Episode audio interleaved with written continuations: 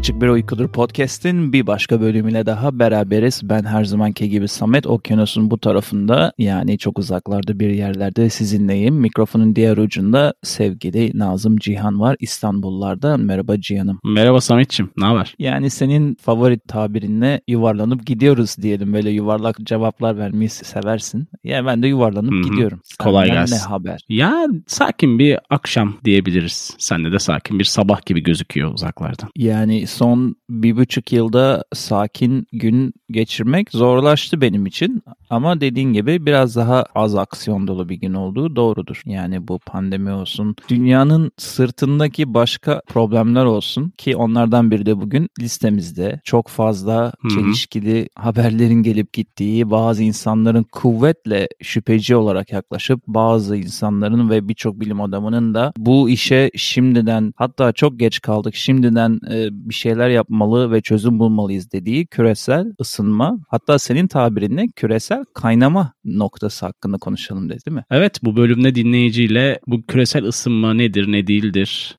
ha, yani bu hani şehir efsaneleri vardır ve senin çok sevdiğin komplo teorileri de vardır. Acaba bunlar gerçek midir? Bunlara da ucundan dokunup dinleyiciyle keyifli bir bölüm yapacağımızı düşünüyorum ama konu keyifsiz takdir edersin. Aslında şimdi henüz hayatımızı kaçık bir uykuya çevirmemiş ama veya yavaş yavaş çevirmeye başlamış ama sonunda Hı-hı. vurdum duymazlığımız devam ederse kaçıklığın uçukluğun zirvesini göreceğimiz ve hatta bizden sonraki jenerasyonun daha da dibe vuracağı bir konu olduğu için bence e, keyifsizlikten çok hak ettiğinden az konuşulan ve sırt hı hı. dönülen bir konu olduğu için ben aslında birazcık heyecanlıyım bu konuda konuşmak. Taraftarıyım zaten okumak taraftarı veya izlemeye çalışıyorum tartışma programlarını falan. Bir de her şeyde olduğu gibi bunda da zıt görüşlerin olması ve bunun çok tartışılır bir konu olması da ilgimi çekiyor. Çünkü şu hı hı. anda ileriye gideceğimizi bildiğin üzere dünya düz mü değil mi acaba diye tartışmalar içinde kendimizi bulduk 21. yüzyılda. O yüzden e, bence bu konuda da belki dinleyenin de birazcık kafasında ya doğru mu değil mi veya dedikleri kadar ciddi mi değil mi sorularına da belki bölümün sonlarına doğru biraz daha e,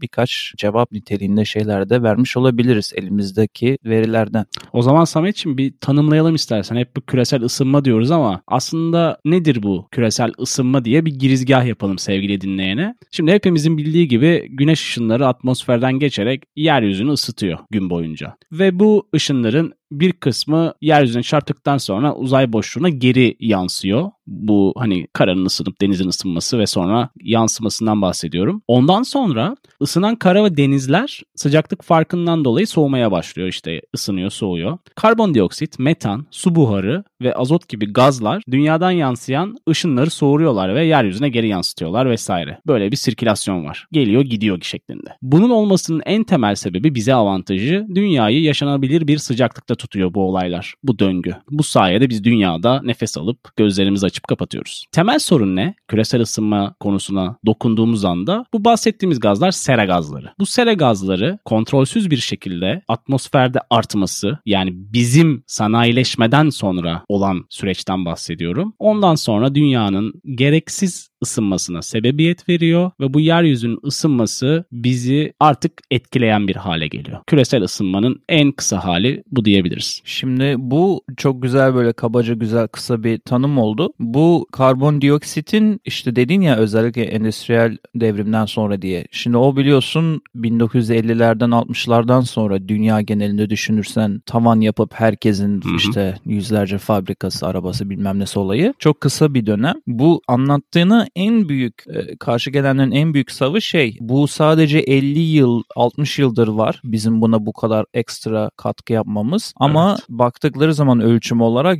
son 140-150 yıldır zaten dünya bu ısınmaya doğru gidiyor diye. Ama tabii işte dediğim gibi en başta sırtını dönüp bakmamak istediğin zaman çok fazla böyle içinden cımbızla çekip böyle şeyler bulabilirsin. Çünkü aslında şimdi bir buçuk iki derece ortalama yükseldiğinde çok e, bizim için hayırsız olacağını söylüyor bilim adamları. Ee, evet. Bu bir buçuk derecenin yüzde seksenlik bir kısmının endüstriyel devrimden önce olduğu doğru ama problem son 50-60 yılda bunun katlanarak hızlanması çıkış evet. seviyesinin bu ısıların. Yani hı hı. dediğim gibi orada bir nereden bakmak istediğine bağlı bir argüman var. Bir de bu gazlarla ilgili şöyle bir şey var Cihan. Herkes bugünlerde yenilenebilir enerjiye konsantre olmuş durumda ama bazı son zamanlarda bulunan e, tekniklerle aslında karbondioksitin tekrar buna carbon sequestration diyorlar İngilizce'de. Tekrar ağaçların ve organik tarımların ürettiği gübre vasıtasıyla aslında oranını da azaltabiliyorsun. Yani bu ekstra ürettiğimiz karbondioksiti daha fazla hı hı. tekrar aşağıya da çekme şansımız var. Ama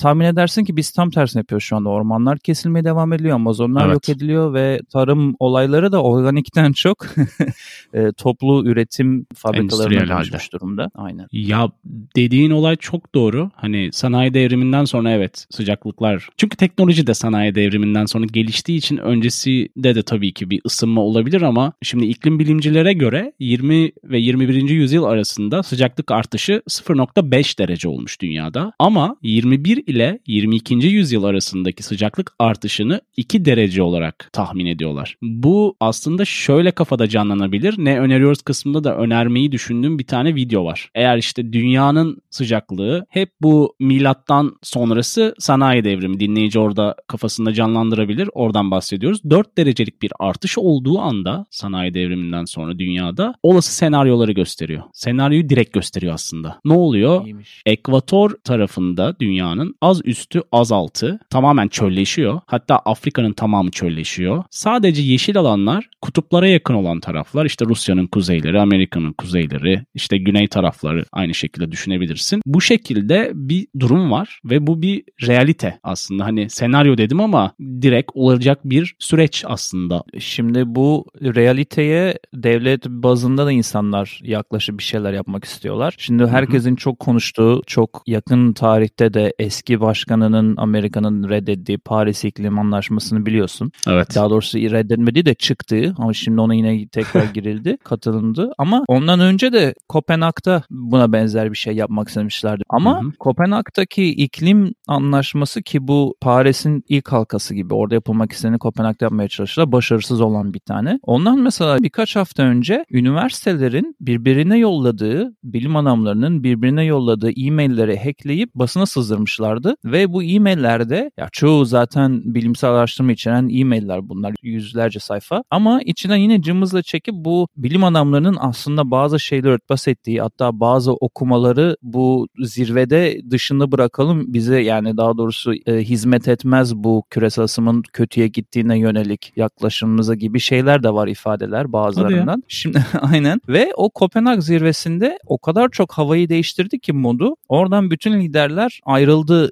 bir anlaşma yapmadan. Bunu niye anlatıyorum? Senin dediğin olası senaryolar var. Devlet bazında da bunun farkındalar. Ama mesela Paris Anlaşması'na ben derinlemesine bakayım dedim. Şu anda yani zamanında verilen sözle şu anda yapılanlar hedeflenen yılda bu emisyonların azalmayacağını şu anda çoktan kanıtlıyor gidilen hız bazında. E, hı hı. Bu sefer de çoğu ülkeler, gelişmiş ülkeler kendi bazında işte şu yıla kadar bütün arabaları elektrikli yapacağım gibi kanunlar çıkarmaya çalışıyorlar. Kaliforniya buna daha yeni katıldı. E, sanırım 2030'dan itibaren satamayacaktı araba üreticileri e, normal hmm. benzinli arabayı. Yani yakın bir tarih düşünürsen e, 9 yıl çok uzak değil. Ama böyle ilginç durumlar da var. Kendi eyalet veya ülke bazında insanlar bir şey yapmaya çalışıyor. Bir de bu şüphecilerin biraz mantığını anlamaya çalıştım. Belki mesela dinleyenlerden de sonuçta herkes buna inanmak zorunda değil. İster inan ister inanma sana kalmış bir şey. Bilim var bir yerde, bir yerde veri var ve bir yerde de şüpheciler var. Doğru yani bu şimdi. Çok şüpheci var hatta. Yani bastığın zaman butona, arama butonuna internette yarısı hoax diye çıkıyor. Doğru mu? Sahte mi? Bilmem ne. Ama bir bilim adamını, bir Avustralyalı TV kanalında bir bilim adamını bir oda dolusu şüpheciyle oturtturdular. Bu bilim adamı Amerika'da en çok e, iklim değişimiyle ilgili araştırma yapanlardan biriydi ve bir üniversite hocasıydı. Ve orada sürekli hani çok medeni bir tartışma. Çok keyifli izlemesi. Bunu da öneririz. Ama orada bilim adamı sürekli sorular geliyor. İşte ya böyledir, şöyledir, değildir, doğru değildir falan ama en sonunda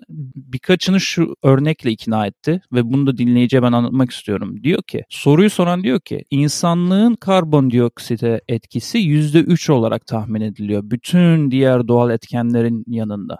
Bu kadar düşük sayıdaki bir etkimizden dolayı niye bize bütün endüstriyi ve enerjilerimizi değiştirmemizi istiyorsunuz? Böyle bir etkinin bu kadar ya böyle bir sayının bu kadar büyük bir etkisi nasıl olabilir? Adamın da örneği çok hoşuma gitti. Böyle diyor adam. Bir küvete bir su aktığını düşünün. Bir, bir litrelik su akıtıyorsunuz ve küvetin e, deliğinden de o bir litrelik suyun boşalması için e, yeterli geniş çapta bir delik olduğunu düşünün. Yani dolayısıyla giren suyla çıkan suyun mükemmel bir şekilde akıp gittiğini düşün o küvetten. Senin %3 diye adlandırdığın küçük sayıdaki %3'lük ekstra bir su akımı koyduğun zaman o küvete o küvet taşmaya başlayacaktır. Çünkü o delik onu karşılayamayacak boşaltması için dedi. Ve o benim çok hoşuma gitti. Bir de diğeri de çok kısa bir örnek daha vereceğim. Biz insanlar kurbağayız diyor. Yani niye böyle söylüyor? Bu meşhur şey vardır ya kurbağayı kaynayan suyun içine at anında içinden zıplar atlar ve kaçar. Ama kurbağayı bir su dolusu tencere koyup yavaş yavaş ısıtmaya başlarsan kaynama noktasına doğru o kurbağa haşlanır. Öyle bir meşhur efsanevi bir deney vardır. İnsanlar da o diyorlar. Hatta bunun İngilizce'de deyim de oturmuş dilimize. Slow burn diye geçiyor. Yani alışa alışa insanlık olarak alışa alışa yavaş yavaş değişen şeyleri biz refleks olarak cevap veremiyoruz. Ama yarın çat diye sıfırdan yüze değişen bir şey için biz panik yapıp bunun çaresine bakmalıyız. Bu iş iyi değil diye biliyoruz gibi bir durum da var. Zamanla alışacağız diyorsun. Valla tam tersini diyorum işte alışmamak lazım.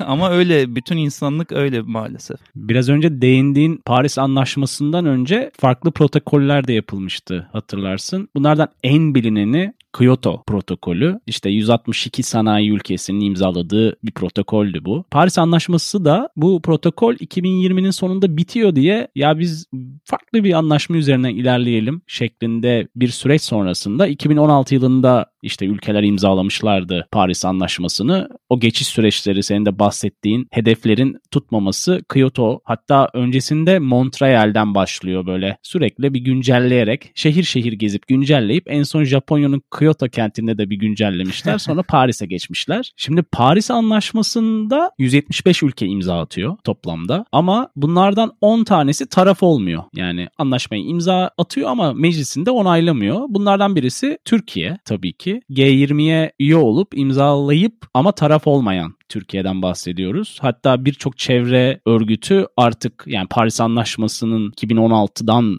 hatta 2015'ten başlıyor süreç. 6 sene oldu. Artık bir taraf olunması gerektiği işte sonuçta bir hedefler var. Bu hedefler ne bu anlaşma içerisinde? Sıcaklık artışını yine milattan sonra yani sanayi devrimiyle sanayi devriminden sonra 2 derecenin altında tutulması aslında çok gerçekçi bir hedef olarak düşünebiliriz iklim bilimcilerinin de verdiği donelere göre. Hatta, hatta hani bir buçuk istiyorlar onu. Bir buçuk evet hatta becerebiliyorsak hani bunu bir buçuk yapalım. Ha baktığın zaman kağıt üstünde çok güzel duruyor ama hani ülkeler bu hedefleri senin de biraz önce verdiğin örneklerden böyle tekil birkaç ülke genelde İskandinav ülkeleri e, ya da Amerika'da Kaliforniya'nın Almanya taraflarında da elektrikli araçlar çok revaçta ve destekleniyor ama yani bu şey gibi toplum içerisinde bireysel çabayla bir şeyleri değiştirmeye çalışıyorsun gibi. Çünkü bahsettiğimiz dünyanın tamamı. Şimdi rakam severim ben biliyorsun Savet. Sen kay, kaybolmayalım da diyoruz ayrıca. Ama iki tane çok böyle dinleyicinin kafasında canlanması açısından iki istatistik vereceğim. Bir tanesi Birleşmiş Milletler'in 2015 Ekim ayında yayınladığı iklim bağlantılı doğal afetlerin insani maliyeti raporu var.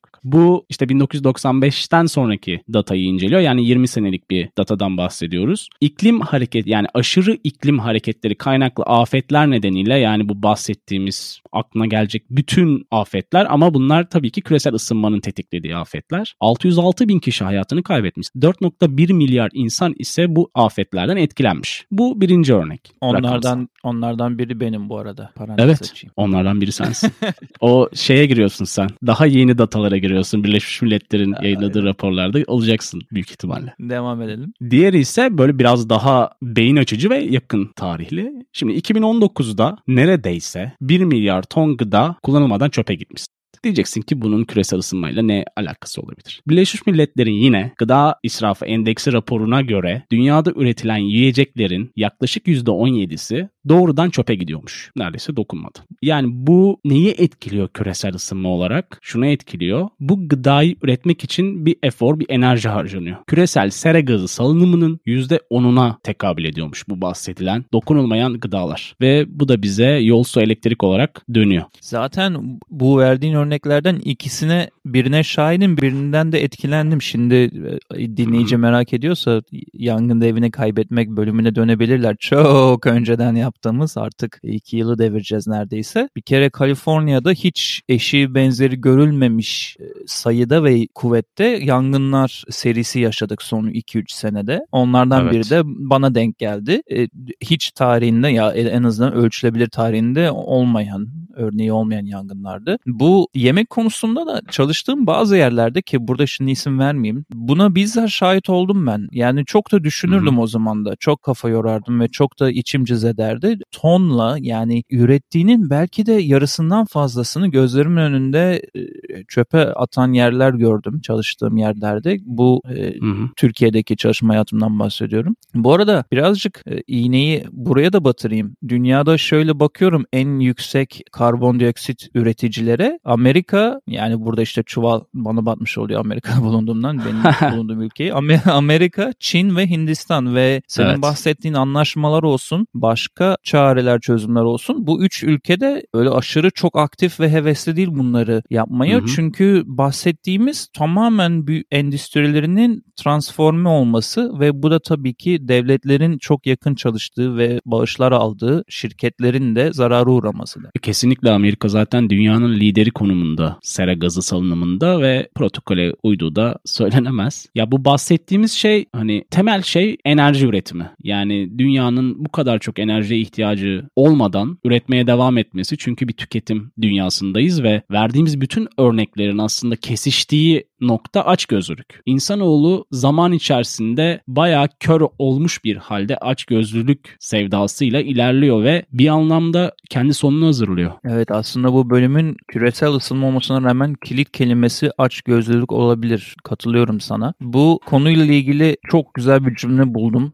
Yine bu konularla ilgili şeyler okurken. Birisinin hı hı. E, TEDx konuşmasında Putnam isimli, David Putnam isimli bir yönetmenin söylediği söz şu. Küresel ısınmayı tecrübe eden ilk belki de ilk kuşağız ve onu terse çevirecek olan aynı zamanda son kuşağız. Daha sonrasında çok geç olacak demiş. Yani öyle bir kuşak aralığına denk geldik ki bunun etkilerini yavaş yavaş hissetmeye başlayan ilk kuşağız. Çünkü biliyorsun bu bölümü senle özellikle Texas'ta meydana gelen donma ve işte ölümler, o senin az önce bahsettiğin Hı-hı. ölümleri artı olarak yazabileceğimiz ölümler oldu falan filan derken, evet. yangınlar falan derken bunun etkisini yavaş yavaş hisseden ilk kuşağız ama bu kuşağında yani bu kuşakların şu an bulunan kuşakların da bunu terse çevirmek veya durdurmak için yapması gereken hani son zaman limitindeyiz. Öyle de garip bir durum tespit etmiş. Ya baktığın zaman bir farkındalık bölümü aslında şu an bizim dinleyiciyle beraber yaptığımız bölüm yolculuğu. Şeyi hatırlıyorsundur Samet zaman zaman böyle haberlerde önümüze düşüyor. Şu kadar metrekare buzdağı kutuptan koptu işte ilerliyor. Yok Britanya kadar yok Lüksemburg kadar. Hani böyle hep insanların gözünde canlandırmak için örnekler ülkeyle. Yani en son Britanya kadar falan kopmuştu. Dinleyici de hatırlayacaktır. Zaman içerisinde sanıyorum buzul kalmayacak biz de çöllere düşeceğiz Mecnun gibi. Bu konuyla ilgili merak edenler özellikle Türkiye'den çok dinleyen olduğu için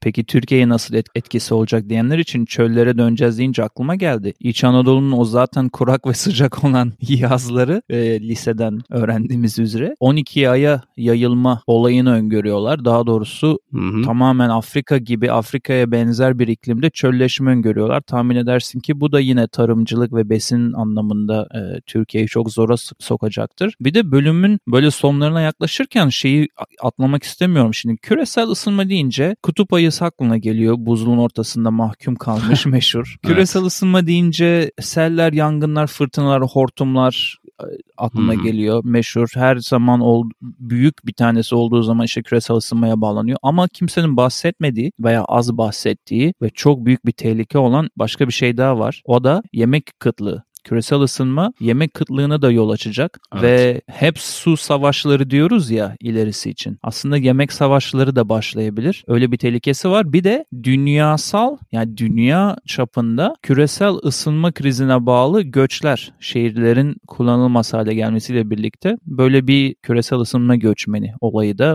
kapımızda diyebiliriz hiçbir şey yapmazsak bu konuda. Kesinlikle öyle bir durum gözüküyor zaten. Bu şey değil kahin olmaya da gerek yok. Türkiye'ye değindin. Nostradamus.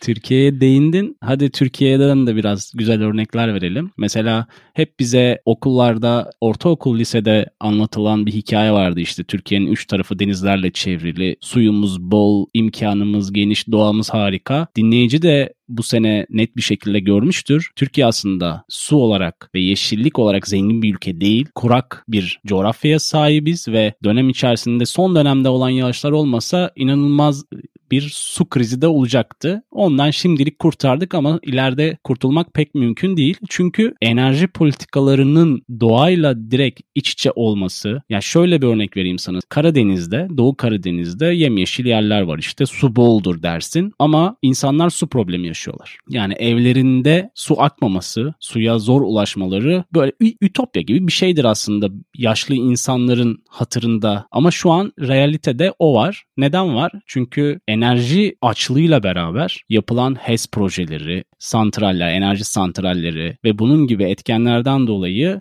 doğanın alışkanlığı değişti. Ama insanlar şey anlamıyor. Doğanın alışkanlığının değişmesi onu değil seni etkiliyor. Çünkü doğa bir şekilde zaman içerisinde yine kendini dengeleyecektir olabildiği ölçüde ama sen kendini dengeleyemeyeceksin. Günü kurtarmaya devam edeceksin. Onu çok güzel söyledin çünkü her açtığım, izlediğim, okuduğum şeyde şunu söylüyorlar sonunda. Biz de öyle söyleyelim. Dünyanın bize ihtiyacı yok ama bizim dünyamıza ihtiyacımız var ve senin söylediğinde bunun aslında bir anlamda çok paralel.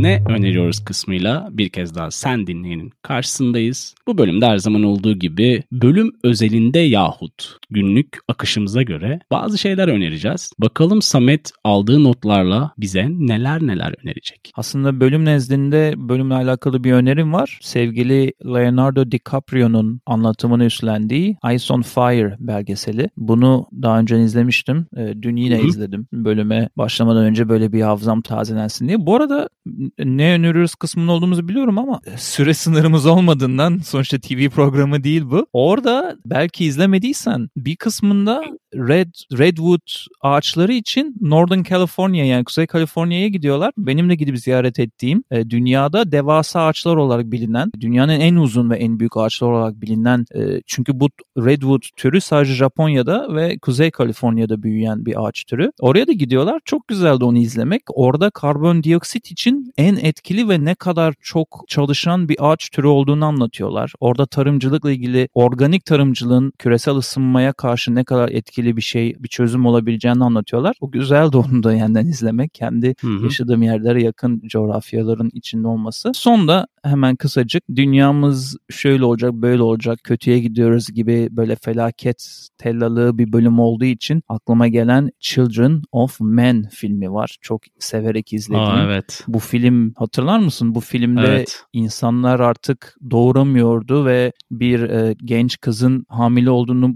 bulunca onu böyle telaşla bir yerlerden bir yerlere götürmeye çalışıyorlar. Çok güzel bir filmdir bu arada. Ve şeyi de meşhurdur. Bir araba içi sahnesinde yönetmenin hiç kesmeden kamerayı sabit bir şekilde yönlendirerek içerideki arabanın hareket eden arabanın içindeki aksiyonu çekmesiyle de sinematik değer açısından da önem taşıyan bir filmdir. Evet Bu hatırlıyorum. arada bunlar Güzel bir filmdi. Bunlar böyle çok birbirinden alakasız ama çok se- severek verdiğim öneriler oldu. Onların nezdinde ben de merakla senin önerilerini bekliyorum. Sonrasında da zaten bay bay deriz. Teşekkürler Samet'ciğim önerilerin için. Ben 3 tane video önereceğim YouTube'da konuyla birebir alakalı olarak. Bir tanesini bölüm içerisinde sana dinleyiciye dillendirmiştim. Hani dünya 4 derece ısınırsa ne olacak isimli bir video var. Bunu ekleyeceğiz bölüm notlarımıza. Sonra TEDx'te küresel ısınmayı çözebilir miyiz, çözebilecek miyiz isimli bir konuşma var. 10 dakikaya yakın durum özeti gibi. Sonuncu video ise senin sevdiğin bu Vice News'tan işte bu Utah'taki Washington kasabasına yapılan e, yatırımdan bahsediyor ve oraya milyonlarca galonluk su sevkiyatının saçmalığından aslında bahsediyor. Golf sahaları vesaire. Ya bu şey videosu mu? 500 bine kadar varan nüfusları ile tamamen Evet. çoğalan yere kilometrelerce golf sahası ve akan nehirden tamamen alakasız bir kanal açma çabası falan. Onu mu anlatıyorsun? Çok kötü. oldu. Evet evet. Yani çölde adamlar şehir kuruyor olmayan bir yerde ve bu şehri sürekli geliştirmeye çalışıyorlar ve buraya bir para harcıyorlar ve Utah'taki suyun çoğu da o tarafa gidiyor. Bayağı saçma olduğu için dinleyici belki merak ederse izleyebilir. Hashtag, Biz şaşırdık. hashtag aç gözlülük diyelim o zaman bu video. Kesinlikle. Kesinlikle bölümün anahtar kelimesi senin. Haklısın o konuda. E, o zaman iki tane şarkı önereyim meşhur HKBU dinlencesi playlistine. Bir tanesi John Gox'tan Only the Pain. Diğeri ise Muse'dan Time is Running Out. Bunlar HKBU dinlencesi playlistinde olacak Samet'ciğim. Ya senin bu pan dedikleri İngilizce'de şarkı isimlerinin bölüm konularına yakışması olayına hastayım. Ha, Hem sevdiğin şeyleri öneriyorsun hem de şarkı isimleri cuk diye oturuyor canım. Çok takdir Ya ederiz. Samet'ciğim biliyorsun şimdi bizim kültürümüzde şöyle bir şey var. Yarım ekmek arası ya da bir yemek yiyorsak o içeceğin son yudumu yemeğin son lokmasına denk gelir ya ayarlarsın. Çok iyi evet onu yaparsın. Öyle düşünebilirsin Ayra- yani. Ayranı, ayranı yarım ekmeğin son ısırıyla ayarlamak şeyinden bahsediyorsun. Rutininden Kesinlikle. bahsediyorsun. Evet. Aynen. Evet. Va konu ciddi olsa da aslında bence yine de aydınlatıcı ve verimli bir bölüm oldu. Biraz farklı oldu tabii e, diğer bölümlere nazaran ama gerekliydi Hı hı. diye düşünüyorum Cihan'ım. Katılıyorum sana. Dinleyiciye de bize bu dakikalara kadar eşlik ettiği için koca bir teşekkür edelim. Evet bizi kendi sayfamız hkbupodcast.com, Spotify, Apple Podcast, Deezer, Amazon, iHeartRadio ne bileyim aklınıza gelen her türlü podcast mecralarında bulabilirsiniz diyelim ve dinlediğiniz için teşekkür ed- edelim. Ee, başka bölümlerde görüşmek üzere. Hoşçakalın. Hoşçakalın.